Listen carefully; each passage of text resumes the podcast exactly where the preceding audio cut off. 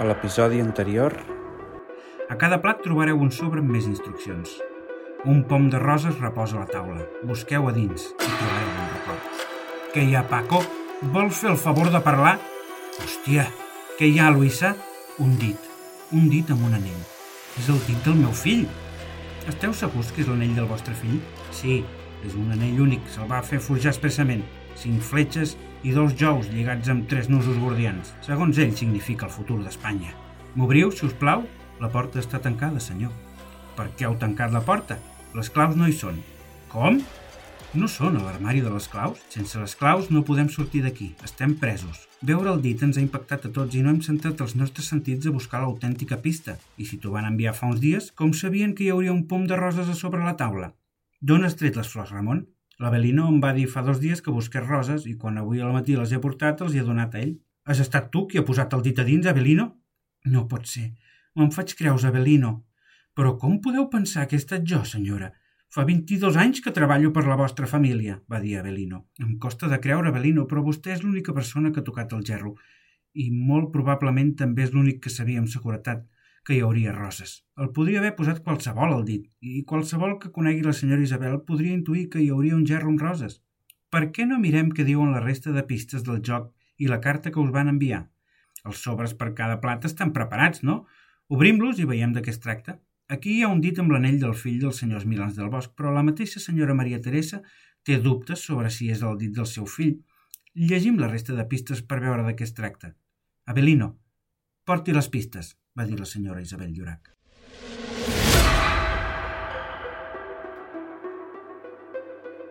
El joc de viure, de Magí, Balcells i Balcells. Segon plat. Consumer Olga. Capítol 4. Els de Mercader i Llorac. Un quart i mig de tres. Avelino es va dirigir cap a la cuina i va agafar la caixa que els havia arribat amb tots els sobres i les instruccions del joc. Aquí ho té, senyora, va dir deixant la caixa davant d'Isabel Llorac. Com se suposa que funciona, això? va preguntar ella. Dins la caixa hi ha deu sobres grans, numerats, un per cada plat, va respondre Avelino. Veurà que el primer sobre està obert. Dins d'aquest hi havia 32 petits sobres numerats que són els que ja hem repartit, i a la part de sota hi ha la carta amb les instruccions del joc. Llegiu la carta. Potser podem treure alguna conclusió, va dir Maria Cristina Güell. Benvolguda Isabel, llegia Isabel Llorac. Davant la festa que ens prepares per al dissabte dia 25 d'agost al castell de la teva germana, hem cregut pertinent avançar-nos a la teva intrèpida actitud per divertir-nos i t'hem enviat un joc que de segur ens entretindrà de forma sorprenent durant tot el dinar. L'hem titulat el joc de viure i funciona de la següent manera. Després de cada plat, hem d'obrir el sobre amb el número corresponent al plat i repartir els sobres individuals per cada comensal. A cada sobre anirem obtenint pistes fins a arribar al final, moment a partir del qual sabrem tots plegats quin comensal ha estat el que ha inventat el joc. Cordialment, la persona a descobrir. Alguna conclusió, Maria Cristina? va dir Francisco Javier. És algú que sabia que ens reuniríem, va respondre ella. Això ja ho sabíem, va dir Milans del Bosc. La persona que escriu la carta parla com si fos un de nosaltres, però ho dubto, va dir Maria Cristina. Al primer sobre han dit que, així com vosaltres ens exploteu sense miraments, nosaltres avui us farem treballar i ens han acusat de ser burgesia catalana. Així que o és algú relacionat amb el món obrer o algú que li interessa fer-se passar per obrer. Un sindicalista? va dir Matías Montades. Si és un sindicalista, com ho sabia que no reuniríamos hoy? va dir Maria Teresa Núñez del Pino. No crec que sigui sindicalista, va dir Maria Cristina. La intuïció em diu que no és ningú de nosaltres, però sí que és algú que ens coneix molt bé. Obrim la resta de sobres a veure si en traiem alguna cosa més, va dir Isabel, agafant el sobre número 2 i repartint la resta a altres persones. Pel tacte, a Isabel li va semblar que el sobre número 2 contenia alguna cosa dura a l'interior, mentre que la resta devien contenir papers. Aquest està buit, va dir Carlos de Sant Manat en referència al sobre número 8. Aquest també, va dir Anna Jové. I aquest, va dir Lluís Llorac. El meu també, va dir Lluís Ferrer Vidal. I els vostres també estan buits? va preguntar Isabel Llorac als tres restants. Tots van assentir. Dels nou sobres que quedaven semblava que tan sols un, el número dos, que la senyora Isabel tenia entre les mans, contenia alguna cosa. En el meu sí que hi ha alguna cosa, va dir Isabel. Davant l'expectació de tothom, Isabel el va obrir i en va treure un disc de pissarra. Un disc? va dir Paulina Pozzali. Doncs l'haurem d'escoltar, no? Va dir el marquès de Montsolís. Col·loqui el gramòfon, Avelino, va dir Isabel Llorac, tot donant-lo al majordom. Avelino va agafar el disc. Es va dirigir cap al gramòfon, va treure el disc de Carmen i va posar el del sobre número 2. Va donar corda a la maneta i, tot seguit, va col·locar l'agulla sobre el disc quan aquest ja havia començat a girar. Durant uns segons, només se sentia el típic so brut de l'agulla fregant el disc, quan, de sobte, va començar a sonar un violoncel de fons amb una veu masculina sobre que deia Bona tarda, honorables senyors. Amb molta probabilitat, tractant-se del tipus de persona que són, ja deuen haver intentat fer trampes per aconseguir la resta de proves. No m'equivoco, oi? Hauran vist que la resta dels sobres estan buits i que només el número 2 contenia aquest disc. Era fàcil advertir que un cop haguessin vist el dit haurien volgut veure la resta de sobres i haurien saltat les regles del joc. Les normes estan per complir-les, senyores i senyors. Aquí no podran fer com estan acostumats. No podran saltar les normes al seu entull ni pagar o pressionar per canviar-les. Si volen la resta de proves, hauran de seguir amb el banquet i quan hagin deixat cada plat buit els proporcionarem les pistes que tant anelen. Serveixin el plat que toca, mengin-s'ho tot i després els farem arribar a les proves. El senyor Francisco Javier de Mercader ha insistit molt a fer-los venir fins aquí. Mengin i beguin fins al final. Seria una pena que després de tants esforços el senyor de Mercader no aconseguís el seu objectiu. Instantàniament, tots els presents van girar la mirada en direcció a Francisco Javier de Mercader de forma inquisitiva. Paco, què vol dir això? va preguntar Eusebi Güell. No en tinc ni idea, va contestar ell. Què vol dir que estaves interessat a fer-nos venir? va preguntar-li Clotilde Ricard.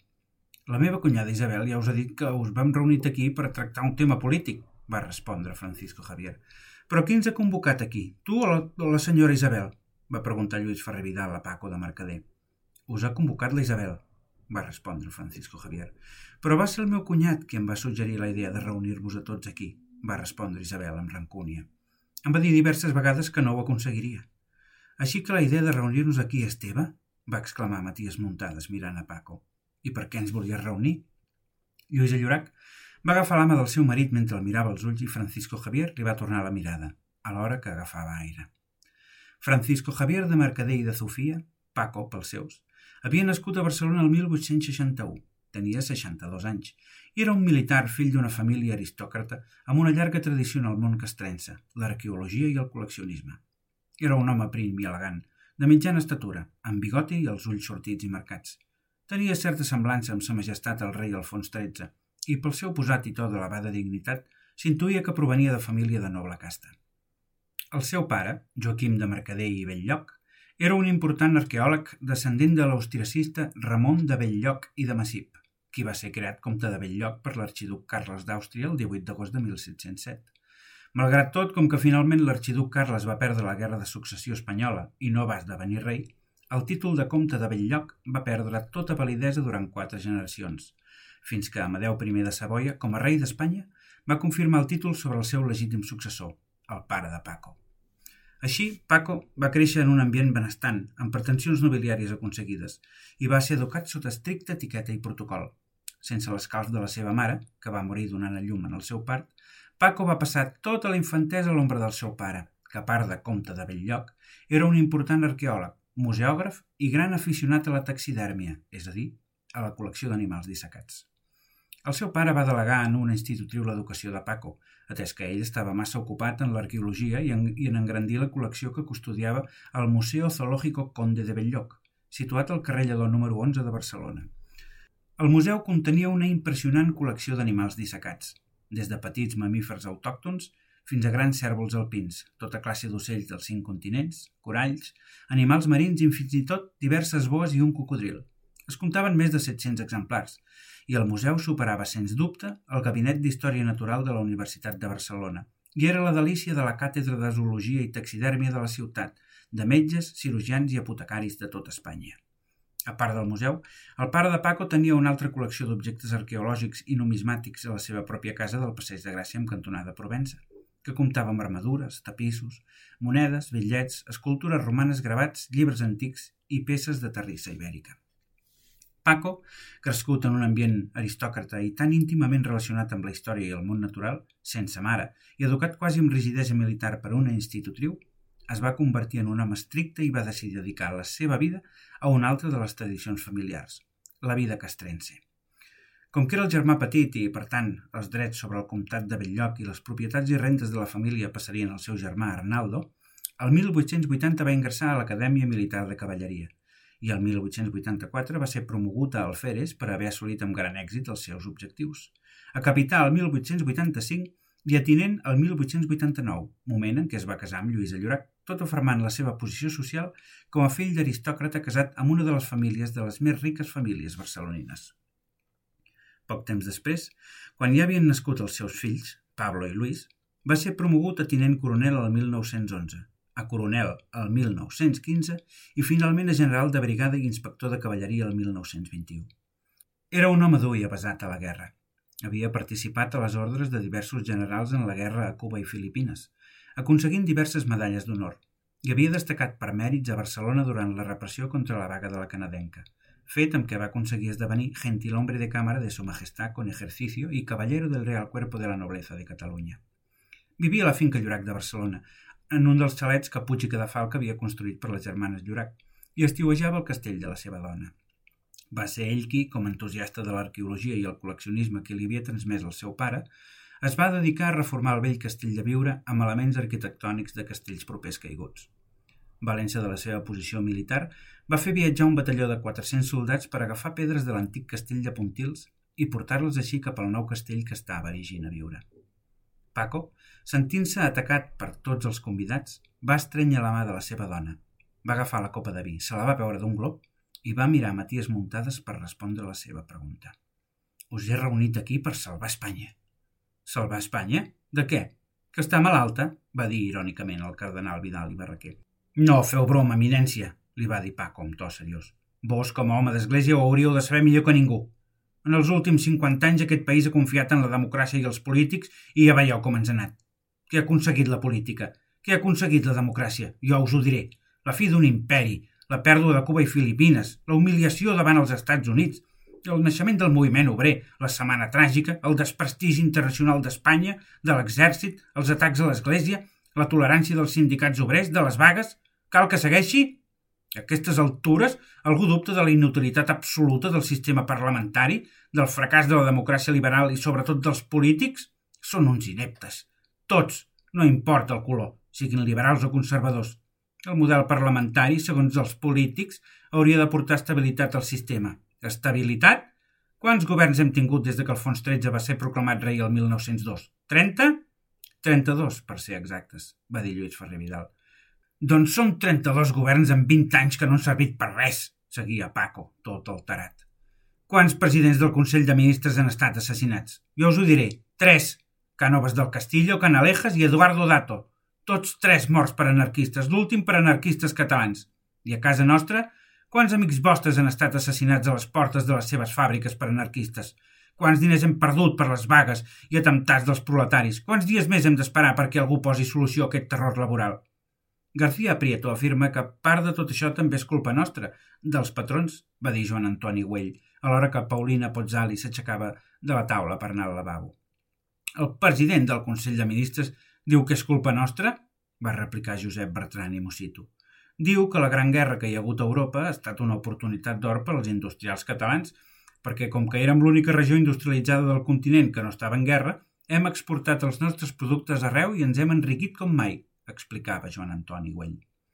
La Gran Guerra a Europa i la neutralitat espanyola va afavorir els industrials catalans a costa de la sobreexplotació i l'empitjorament de les condicions de vida dels obrers, que treballaven de sol a sol en jornades esgotadores, al mateix temps que el port de Barcelona es va convertir en un punt neuràlgic del tràfic d'avituallament i material bèl·lic dels exèrcits en lluita, fet que va atraure l'interès de l'espionatge internacional i que va convertir Barcelona en un cau d'agents estrangers que avivaven el conflicte a les fàbriques per fer sabotatge als exèrcits europeus en guerra. A més a més, però, la fi de la guerra va provocar al seu torn deixar a l'atur milers d'obrers i un proletariat exhaust i més empobrit que mai. I té raó, ens hem enriquit més que mai, va dir Ramon Godó, comte de Godó. Potser sí, va respondre Joan Antoni Güell. Però donar-los la culpa a nosaltres de la ira dels obrers és massa, no? Diu que com que la descarnada inflació que ha produït la guerra no ha anat acompanyada d'un augment de salaris, això ha deixat a la majoria de la gent a la misèria Una gent que fins ara estava tranquil·la i que ara abraça el sindicalisme anarquista com la solució més eficaç. A veure si ara serà culpa nostra que existeixin comunistes, socialistes i anarquistes, va dir Matías Muntades. No és més que una excusa per no reprimir el moviment obrer. És un covard, va dir Carlos de Sant Manat. L'únic cert de la Gran Guerra és que ha acabat amb poderoses i velles monarquies d'Europa, entre elles la russa, que ha estat assassinada a mans dels bolxevics. I ara el terror roig, gràcies a la permissivitat de les democràcies liberals, s'escampa com un atac d'oli per Europa, arribant fins a casa nostra, on els obrers no deixen de fer vagues i de temptar contra nosaltres, mossegant la mà que els dona menjar, va dir Paco de Mercader irat. No us sembla suficient per mirar de posar solució a aquest desgavell? I això que no he mencionat la desastrosa política del protectorat del Marroc ni el perill per la unitat d'Espanya que representa el nacionalisme que algun de vosaltres practica. Algú creu que el president del Consell de Ministres encara està en condicions d'afrontar tot això? García Prieto és un inútil, ell i tots els polítics. No podem esperar més. És moment que l'exèrcit prengui el relleu. És el moment que governi un cirurgià de ferro. I per això us he reunit aquí, i l'encàrrec no ha estat meu. El capità general de Catalunya i el mateix rei Alfons XIII m'han encarregat aconseguir el vostre suport. El rei? va preguntar Joan Antoni Güell, sorprès. El rei està a favor d'un cop d'estat? Sabeu perfectament què va passar al juny, va dir Paco. El president del Consell de Ministres, García Prieto, va advertir a Primo de Rivera perquè deixés de soscavar la seva política a Catalunya. I Primo de Rivera no només s'hi va negar, sinó que li va exigir plens poders per declarar la llei marcial i acabar així amb la vaga del transport, el terrorisme i les manifestacions separatistes. García Prieto, davant l'atreviment de Primo de Rivera, va decidir destituir-lo, però sabeu què? El rei es va negar a signar el decret de cessament i Primo de Rivera va tornar a Barcelona triomfant. Va fer cas omís a la negativa del govern a declarar l'estat de guerra i va ordenar la clausura de Solidaritat Obrera i la, i la detenció d'Àngel Pestanya i altres dirigents de la CNT. El rei confia més en Primo de Rivera que en els polítics. Però que ens hem tornat tots bojos o què? va dir el cardenal Vidal i Barraquer. Dubto que l'exèrcit sigui la solució, va dir el comte de Güell. Un cop d'estat ens portaria una, una altra vegada al segle, al segle XIX, va dir Lluís Ferrer Vidal.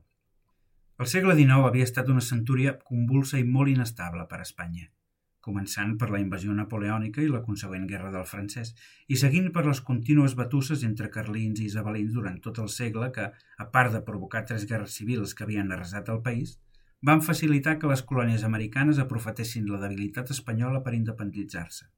En endavant, el país va viure en un conflicte permanent entre els progressistes, partidaris d'instaurar una monarquia constitucional basada en el principi de sobirania nacional i la separació entre Església i Estat, i els moderats, partidaris de mantenir un poder més fort de la monarquia i de l'Església. Un conflicte que semblava no tenir aturador i que va conduir Espanya a una situació de paràlisi, debilitat i desprestigi internacional que la va deixar tocada de mort, i que va comportar fins i tot l'expulsió de la dinastia històrica, l'entronització d'un nou rei de la Casa de Savoia i, finalment, la proclamació de la Primera República Espanyola, el primer intent fracassat de democratitzar de veritat el país. Finalment, però, com a solució a la forta divisió de les dues Espanyes, la progressista i la moderada, i després de tres guerres carlines, es va arribar a una solució de consens entre els dos bàndols amb l'aprovació de la Constitució espanyola de 1876 i es va optar per restaurar la monarquia borbònica en la persona d'Alfons XII, a través d'un model de monarquia constitucional amb aparença democràtica, un model que contentava els dos bàndols i que els garantia un repartiment del poder equitatiu i per torns. El sistema es basava en una democràcia censatària, és a dir, amb dret a vot pels homes amb cert nivell adquisitiu, i una sobirania compartida entre el rei i les Corts. A la pràctica, però, el model acordat en virtut del pacte del Pardo entre els dos nous grans partits, el liberal, hereu dels progressistes, i el conservador, hereu dels moderats, consistia a tornar-se'n al govern, manipulant les eleccions per fer-ho possible. Quan un govern havia de dimitir per mala gestió, el rei elegia un nou president del Consell de Ministres del partit a qui tocava governar per torn – i després es dissolien les Corts i s'anava a eleccions per legitimar l'elecció monàrquica en una escandalosa ficció democràtica. Mitjançant la manipulació electoral i el encasillado, els dos partits decidien el resultat electoral abans que es produïssin les eleccions, i un cop aquestes es produïen i s'aconseguia el resultat preestablert, s'aconseguia donar legitimitat democràtica a l'elecció de sa majestat i a la posició del president del Consell de Ministres, que, curiosament, sempre esdevenia el polític guanyador en aquelles eleccions. A més a més, els dos partits havien acordat que les lleis i mesures aprovades per un govern de torn no serien derogades ni modificades pel següent, i havien establert que hi havia temes sobre els quals no es podia legislar, la monarquia i la unitat d'Espanya. Sense tocar aquests dos temes sagrats, les noves lleis aprovades per un govern eren respectades pel següent, i així successivament, de tal manera que molt a poc a poc el país es va anar modernitzant i es van evitar els continus pronunciamientos. Així i tot, la crisi d'aquest sistema de democràcia aparent era cada cop més palès, sobretot a partir de la implantació del sufragi universal masculí. En teoria, L'extensió del dret a vot a tots els homes majors de 21 anys hauria d'haver canviat el panorama de partits en les eleccions. Però, sorprenentment, després dels liberals sempre guanyaven els conservadors, i després d'aquests els liberals res canviava. Aquest fet va portar a grans capes de la societat a la protesta al carrer, a creure que el vot era una farsa, que no servia de res votar i que, per tant, només comptaven amb la seva força de treball i amb el sindicalisme radical i les vagues per millorar les seves vides un fet que va provocar que la inestabilitat política, per conseqüent, fos cada cop més gran.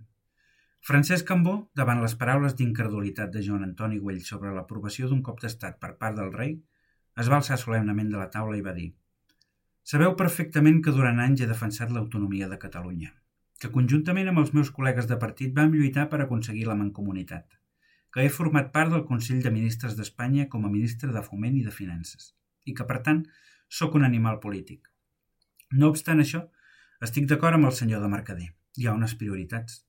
Tot sovint a la vida cal saber què és el que s'ha de deixar de banda per continuar viu. Si he de fer un viatge que em permeti avançar i he de travessar un riu on només hi ha una barca, una barca que si carrego més pes del que jo peso s'enfonsa, no tingueu cap dubte que faré el que estigui al meu abast per deixar els meus companys pel camí, perquè sóc jo o ells. És el que faria qualsevol persona amb sentit comú. En aquest cas estem igual, som nosaltres o ells, no hi ha terme mitjà. Amb les aigües tranquil·les podríem defensar una autonomia de Catalunya, i tant, clar que sí, però tal com estan les coses no podem perdre les nostres forces enfront de cap altra batalla que no sigui del manteniment de l'ordre. Ens deixarem col·lectivitzar les nostres cases i fàbriques per no haver estat on havíem d'estar? Tots sabeu com estan les coses a casa nostra. I ara toca posar ordre o ho podríem perdre tot. Primo de Rivera ha donat mostres sobrades d'estar a l'altura per frenar aquests aixalabrats. I crec sincerament que no només nosaltres li donarem suport. Ho farà tota la societat perquè qualsevol societat que pateixi una llau imparable de demagògia sindicalista i bolxevic, que amenaci els seus ideals i interessos, que fins i tot posi en perill la seva naturalesa, es resignarà el que faci falta per tal de sentir-se emparada. I el rei fa bé de donar-li suport, perquè a aquestes altures ja només podem confiar en un govern militar, un cirurgià de ferro que garanteixi la pau i l'ordre social, social i natural de les coses. No, no, no, et reconec, francès, va dir Joan Antoni Güell a Cambó. Em sembla increïble el que estàs dient. Suposo que no parles en nom de la Lliga. Amics meus, va dir Milans del Bosch tallant la conversa. Tot això que dieu està molt bé, però recordeu que aquí hi ha un dit amb l'anell del meu fill? Sou conscients que estem tancats al castell i que no podem sortir? Heu escoltat el que deia el disc? Podem seguir les maleïdes instruccions d'aquest tarat i veure de què va aquest malson? El senyor Milans del Bosch té raó, va dir el marquès de Montscolís. Hauríem de seguir. A més, no sé vosaltres, però jo estic mort de gana. Em costa de creure que intenteu responsabilitzar el meu marit de tot aquest disbarat, va dir Lluïsa Llorac, disgustada. Em consta que en nombrosíssimes vegades us he ajudat a molts dels aquí presents quan heu tingut problemes a les vostres fàbriques. Lluïsa Llorac era una dona prima i esbelta, de mitjana estatura, i tot i els seus 51 anys aparentava ser més jove que la seva germana Isabel. Era una dona guapa, amb els ulls molt clars i amb un dolç somriure que li dibuixaven els típics clotets de la simpatia a les galtes. A diferència de la seva germana, era una dona entregada a la vida familiar i es desvivia pel seu marit i els seus fills. I encara que fos tan rica com Isabel, portava una vida molt més discreta i modesta, i no li agradava ser la protagonista. Això no volia dir, però, que no portés una vida de luxe. Acudia sempre a les festes de la seva germana, al Liceu i a l'hipòdrom, i cada dia mentre eren a viure, a l'estiu, feia venir el taxi de Santa Coloma de Caral perquè la portessin a prendre les aigües del balneari de Vallfogona de Riucorp, mentre el seu marit sortia a caçar o a buscar objectes de valor entre els vestigis d'antics castells o masos en ruïnes. Crescut al costat de les seves germanes i la seva mare a l'Institut Frenopàtic de les Corts, sempre havia mostrat gran sensibilitat pels malalts mentals i adorava la vida caritativa, un fet que li havia transmès el seu pare, el doctor Llorac. Passava llargues estones a la seva parròquia intentant ajudar la gent necessitada en la mesura de les seves possibilitats. Com a propietari del castell de Viure, procurava ser bondadós amb la gent del poble, de tal manera que cada festa major pagava un vermut de la seva butxaca per tots els viurencs i els convidava a pujar al castell per celebrar-ho tots conjuntament. A més a més, a l'estiu, mentre eren d'estiuatge a viure, Cada diumenge després de missa convidava tots els nens i nens del poble a pujar al castell, on els oferia dolços i els regalava joguines de tant en tant. Lluís, entenc que estiguis dolguda, però igual que tu, nosaltres ja no sabem què pensar. A aquestes altures i veient el que està passant avui, eh, hem de desconfiar de tothom, li va replicar Consuelo Jové. Continuem menjant o què? Va cridar Milans del Bosc. No acabarem mai. Guardad el dedo, por favor, va dir María Teresa Núñez del Pino. Yo no puedo comer nada si lo tengo a la vista. Va arrencar a plorar. Lluís Llorac va embolicar el dit amb un tovalló i el va deixar just al costat del gramòfon. Avelino, va dir la senyora Isabel Llorac, serveixin el següent plat, si us plau.